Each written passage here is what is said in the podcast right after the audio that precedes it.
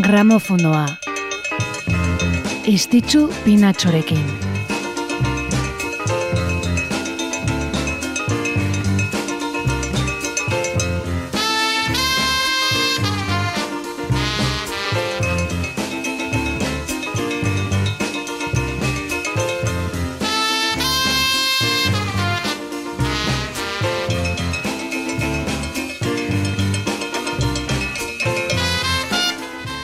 Musikaren egunaren biharamunean, ailetu da gramofonoa.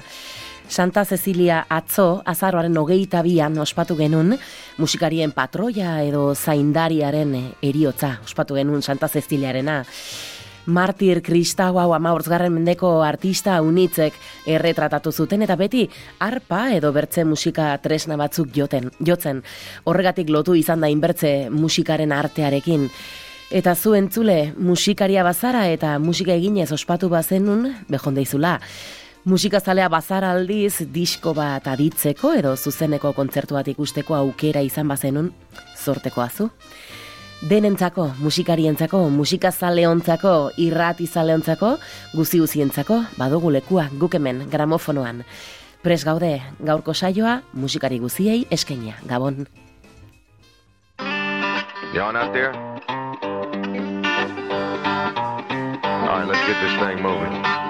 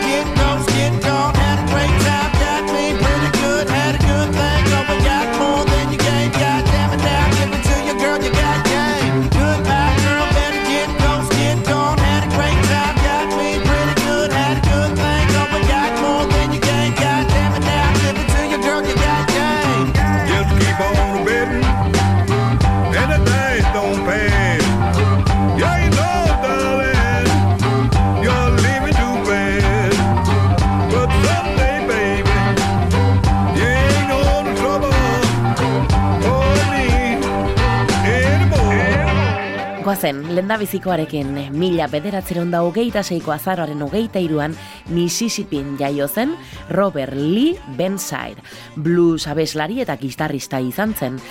Agitz gaztetatik hasi zen gitarra jotzen, John Lee Hooker imitatzen saiatuz. Eta berrogeita margarren amarkadan Chicagora joan zen musika munduan e, saiakera egitera ane ezagutuzun ma, e, Madi Waters, bere lengusina batekin ezkonduta zegoena, bino urtebete bino gutxiagoan bere atxa, anaia eta osaba bat hil zituzten eta Ben Saide lur jota Mississippira bueltatu zen. Mila bederatzen da berrogeita emeretzian ordea dadoetan jokatzen ari zela apustuetan benzain gizon, benzainek gizon bat hiltzun Eta jakina, espetxeratu egin zuten, bino bere nagusiak lanerako behartzula eta sei hilabeteko zigorra bete ondotik ateratzea lortu zuten. Larogeita amabian, Bad Luck City diskoa aterizun eta larogeita amalauan Too Bad for Jim arrakasta izan zuten, eta John Spencer Blues Explosion eh, punk, rock, blues taldeak, a As Pocket of Whiskey diskoa grabatu zuen berzaindekin kolaborazioan, eta bira bat ere egin zuten elkarrekin. Diskoa gogorra eta gordina zen eta blues autentikoaren zalek ez zuten begi honez ikusi. Bino ordainetan rock eh, undergroundaren estenan ateak irikizizkion. Larogeita emezortzian Come On In albuma aterizun, non blusa e, musika elektronikoarekin nastuzun, eta aurrekoak bezala diskonek ere etzun arrera honik izan blues talea unitzen artean, bino kritika onak eta salmenta onak lortu zitun. Larogeita emeretzian egindako ebakuntza baten ondotik, e, Ben Side, osasunak edo bere osasunak okerrera egintzun eta horrek kontzertuak ematea eragotzi zion. Azkenean 2008ko irailaren batean zendu zen Robert Lee Benside.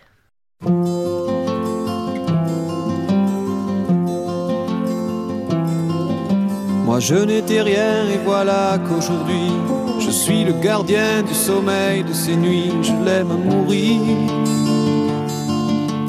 Pouvez détruire tout ce qu'il vous plaira, elle n'a qu'à ouvrir l'espace de ses bras pour tout reconstruire, pour tout reconstruire, je l'aime mourir.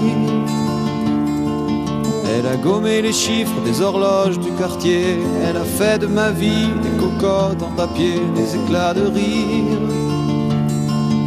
Elle a bâti des ponts entre nous et le ciel, et nous les traversons à chaque fois qu'elle ne veut pas dormir, ne veut pas dormir, je l'aime mourir. Elle a dû faire toutes les guerres pour être si forte aujourd'hui, elle a dû faire toutes les guerres de la vie et l'amour aussi.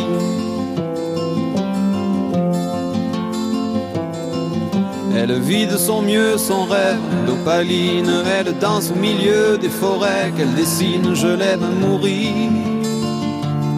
Elle porte des rubans qu'elle laisse s'envoler, elle me chante souvent que j'ai tort d'essayer de les retenir, de les retenir, je l'aime à mourir. Pour monter dans sa grotte cachée sous les toits, je dois clouer des notes à mes sabots de bois, je l'aime à mourir.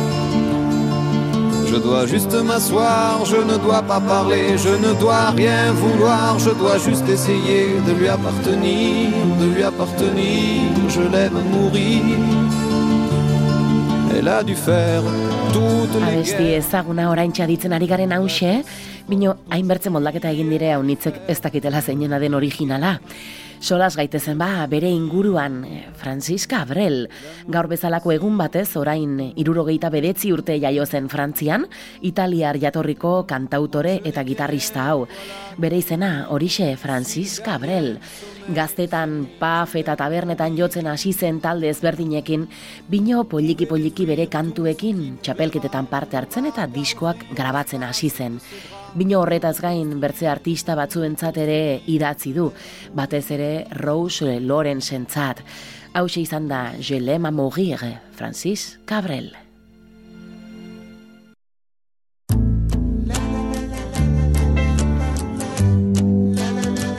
Eta goazen betze kantu ezagun batekin, gaurko egunean, mila bederatziron da irurogeita marrean argitaratu baitzun Cat Stevensek, hause. Now that I've lost everything to you, you say you wanna start something new, and it's breaking my heart you're leaving. Maybe I'm grieving, but if you wanna leave, take good care.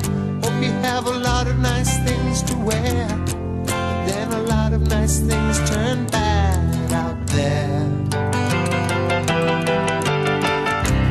Oh, baby, baby, it's a wild world. It's hard to get by just upon a smile.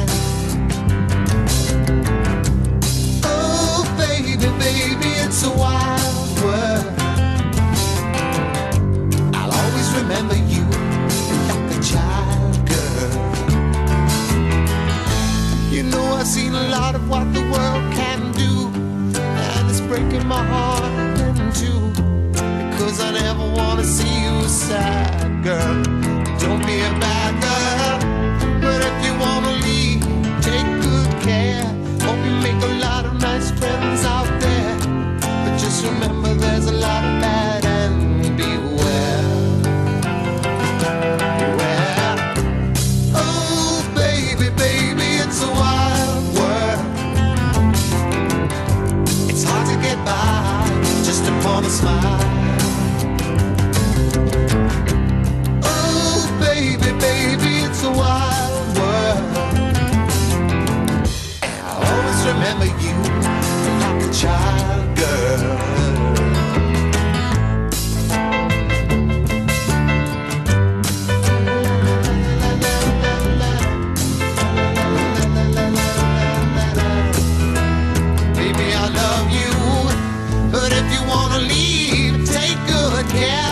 You make a lot of nice friends out there, but just remember there's a lot of bad and beware.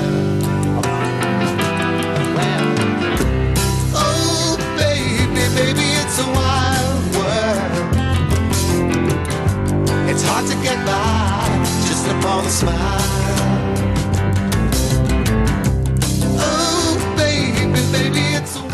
Wild. World mundu basatia kantatu zigun Cat Stevensek mila bederatzeron da irurogeita marrean T for the Tillerman izeneko diskoan.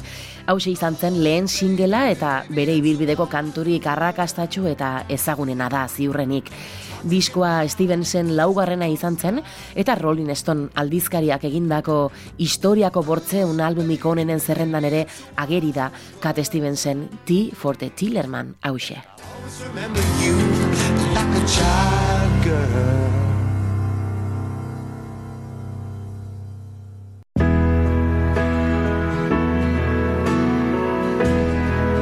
Eta urte berean, irurogeita marrean alegia bertze sorpresa bat ailetu zen egun honetan bertan.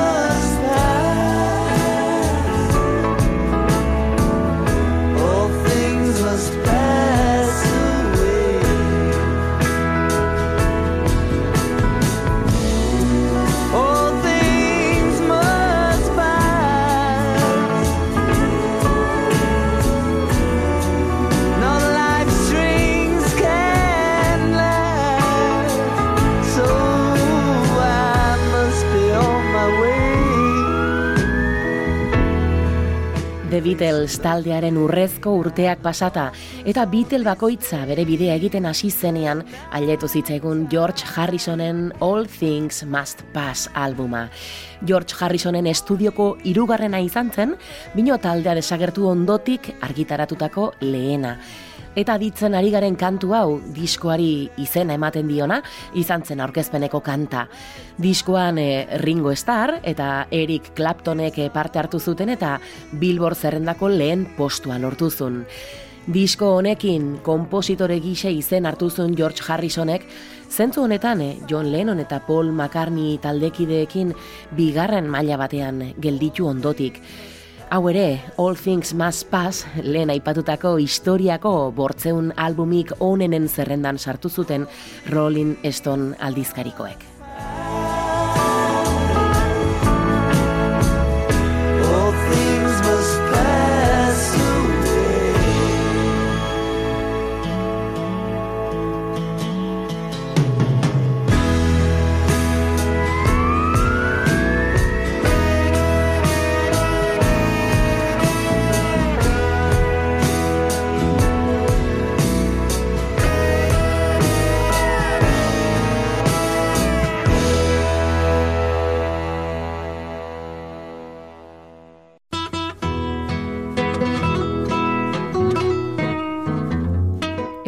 Mexiko aldera eginen dugu salto urrengo kantuarekin, Txabela Vargasen ahotsean, Jose Alfredo Jiménez oroitzeko. Tómate esta botella conmigo y en el último trago nos vamos. Quiero ver a qué sabe tu olvido sin poner en mis ojos tus manos. Esta noche no voy a rogarte. Esta noche te vas de de veras. Qué difícil tener que dejarte sin que sienta que ya no me quieras. Nada me han enseñado los años. Siempre caigo en los mismos errores. Otra vez a brindar con extraños y a llorar por los mismos dolores.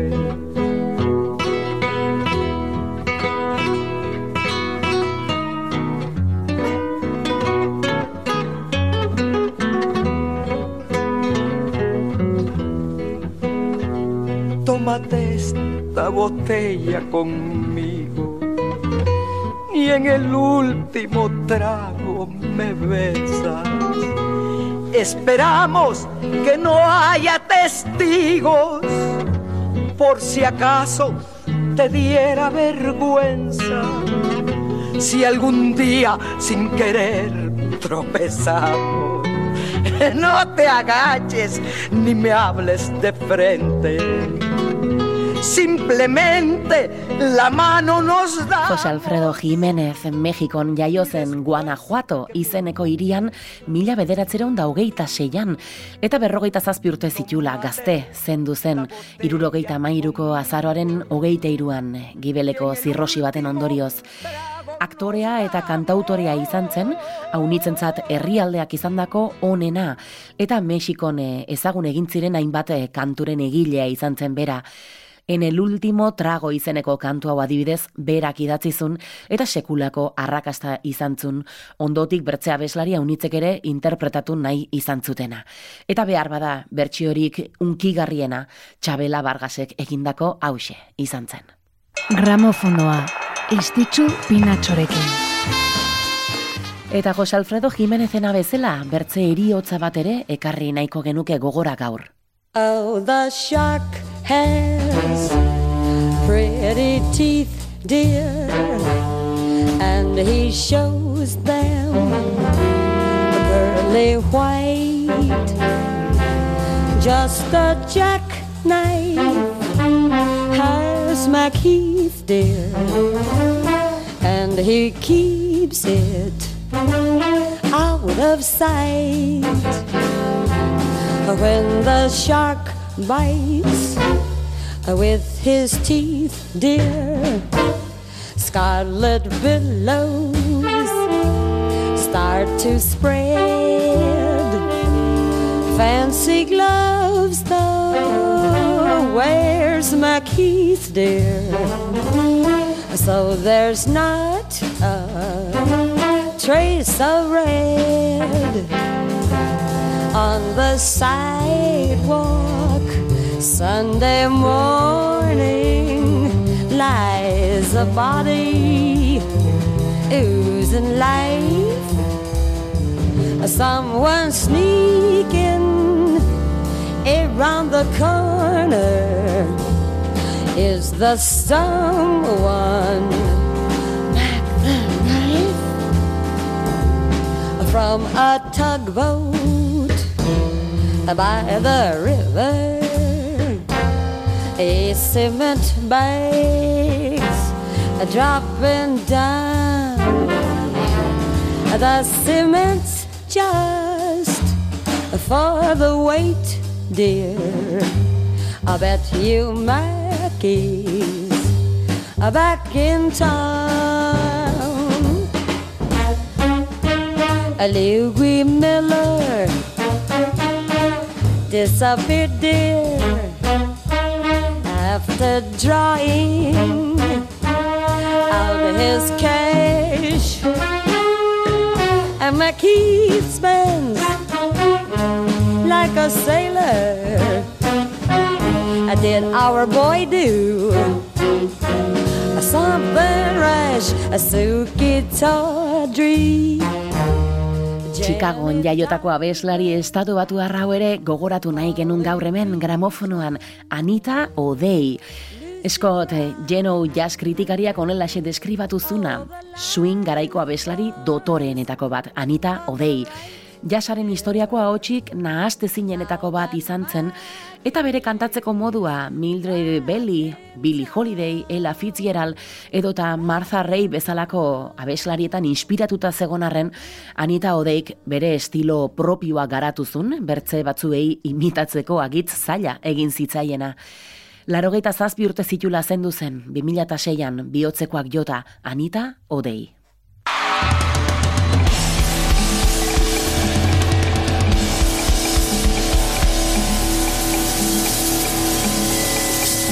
Eta bertze garai eta generazio batera eginen dugu salto, bino kasu honetan ere segituan izautzen den timbre eder hoietako batekin.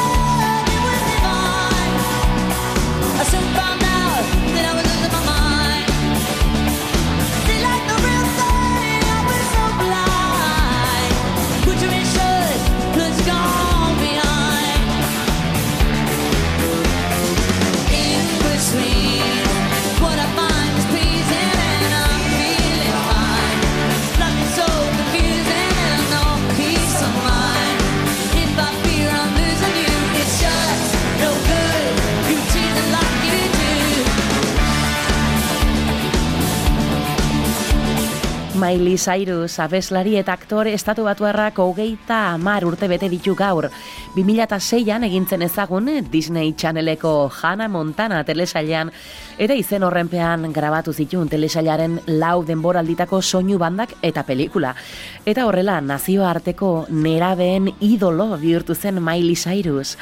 2007an bere estrenako disko bikoitza argitaratu zuen, Meet Miley Cyrus, eta sekulako arrakasta lortuzun.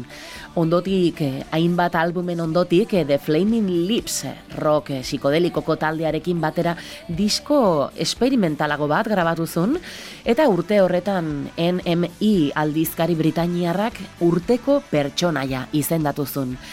Bino 2000 eta emezortziko azaroan, Kaliforniako suteen, sutean kaltetuetako bat izan zen, eta garai hartan bere bikoteki dezen eh, Liam Hemsworth aktore australiarrarekin partekatzen zuen etxea galdu zuten. 2000 eta emeretzian ordea, Hemsworthetik banandu zen, eta sutea, banaketa eta ondotik etorriko zen pandemiaren eraginez atzeratu egintzen Plastic Hearts eh, estudioko zazpigarren albumaren argitalpena. Bino azkenean 2008ko azaroan agertu zen, momentuz Miley Cyrusen estudioko diskuetan azkena izan dena. Miley Cyrusek gaur erran bezala, hogeita amar. Euskal Herrira hurbilduko gara orain, urteak betetzen ditun musikari bat zoriontzeko. Kantu honen atzean dago gau taldea. John Orna, Oriol Flores eta gaur zoriondu beharreko gartxot unsain. Donostiarrak, hogeita amabortzurtetxo gaur. Zer den Orekak ze forma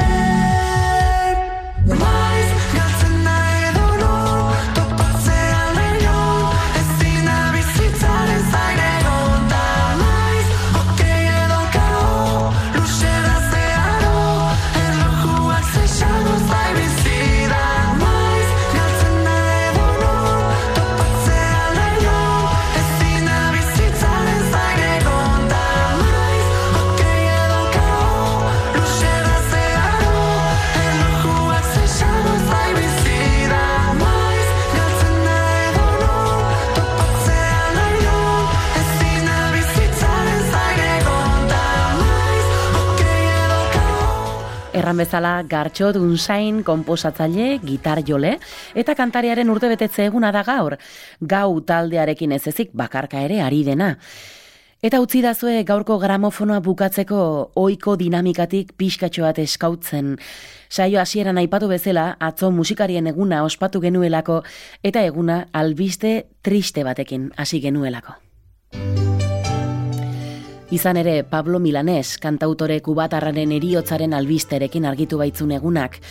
Gaixotasun onkohematologiko baten ondorioz, Madrilen pasaditu azken urteak, bere herrialdean jaso ezintzun tratamendu bat jarraitu ahal izateko, bino atzo arte.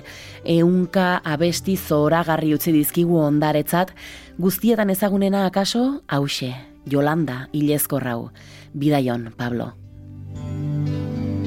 Esta no puede ser no más que una canción.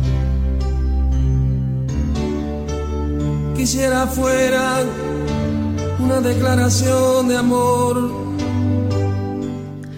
Eta zuei pasagabon erratea bertzerik ez zait gelditzen, urrengo asteazkenen, hemen txegonen naiz berriro ere zuen zain, ametsuko xoak izan ditzazuela. Que pongan freno a lo que siento ahora raudales. Te amo, te amo, eternamente te amo.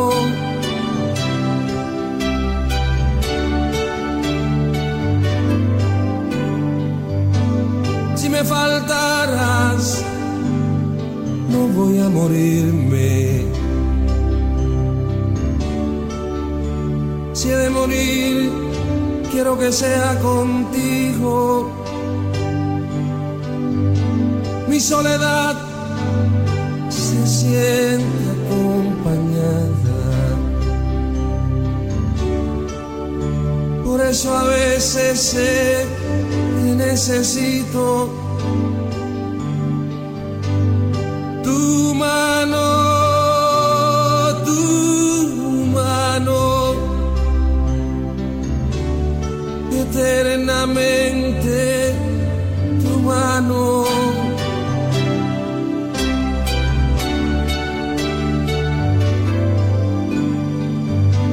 Cuando te vi, sabía que era cierto. Este temor de hallarme descubierto. Tú me desnudas con siete razones. Me abres el pecho siempre que me colmas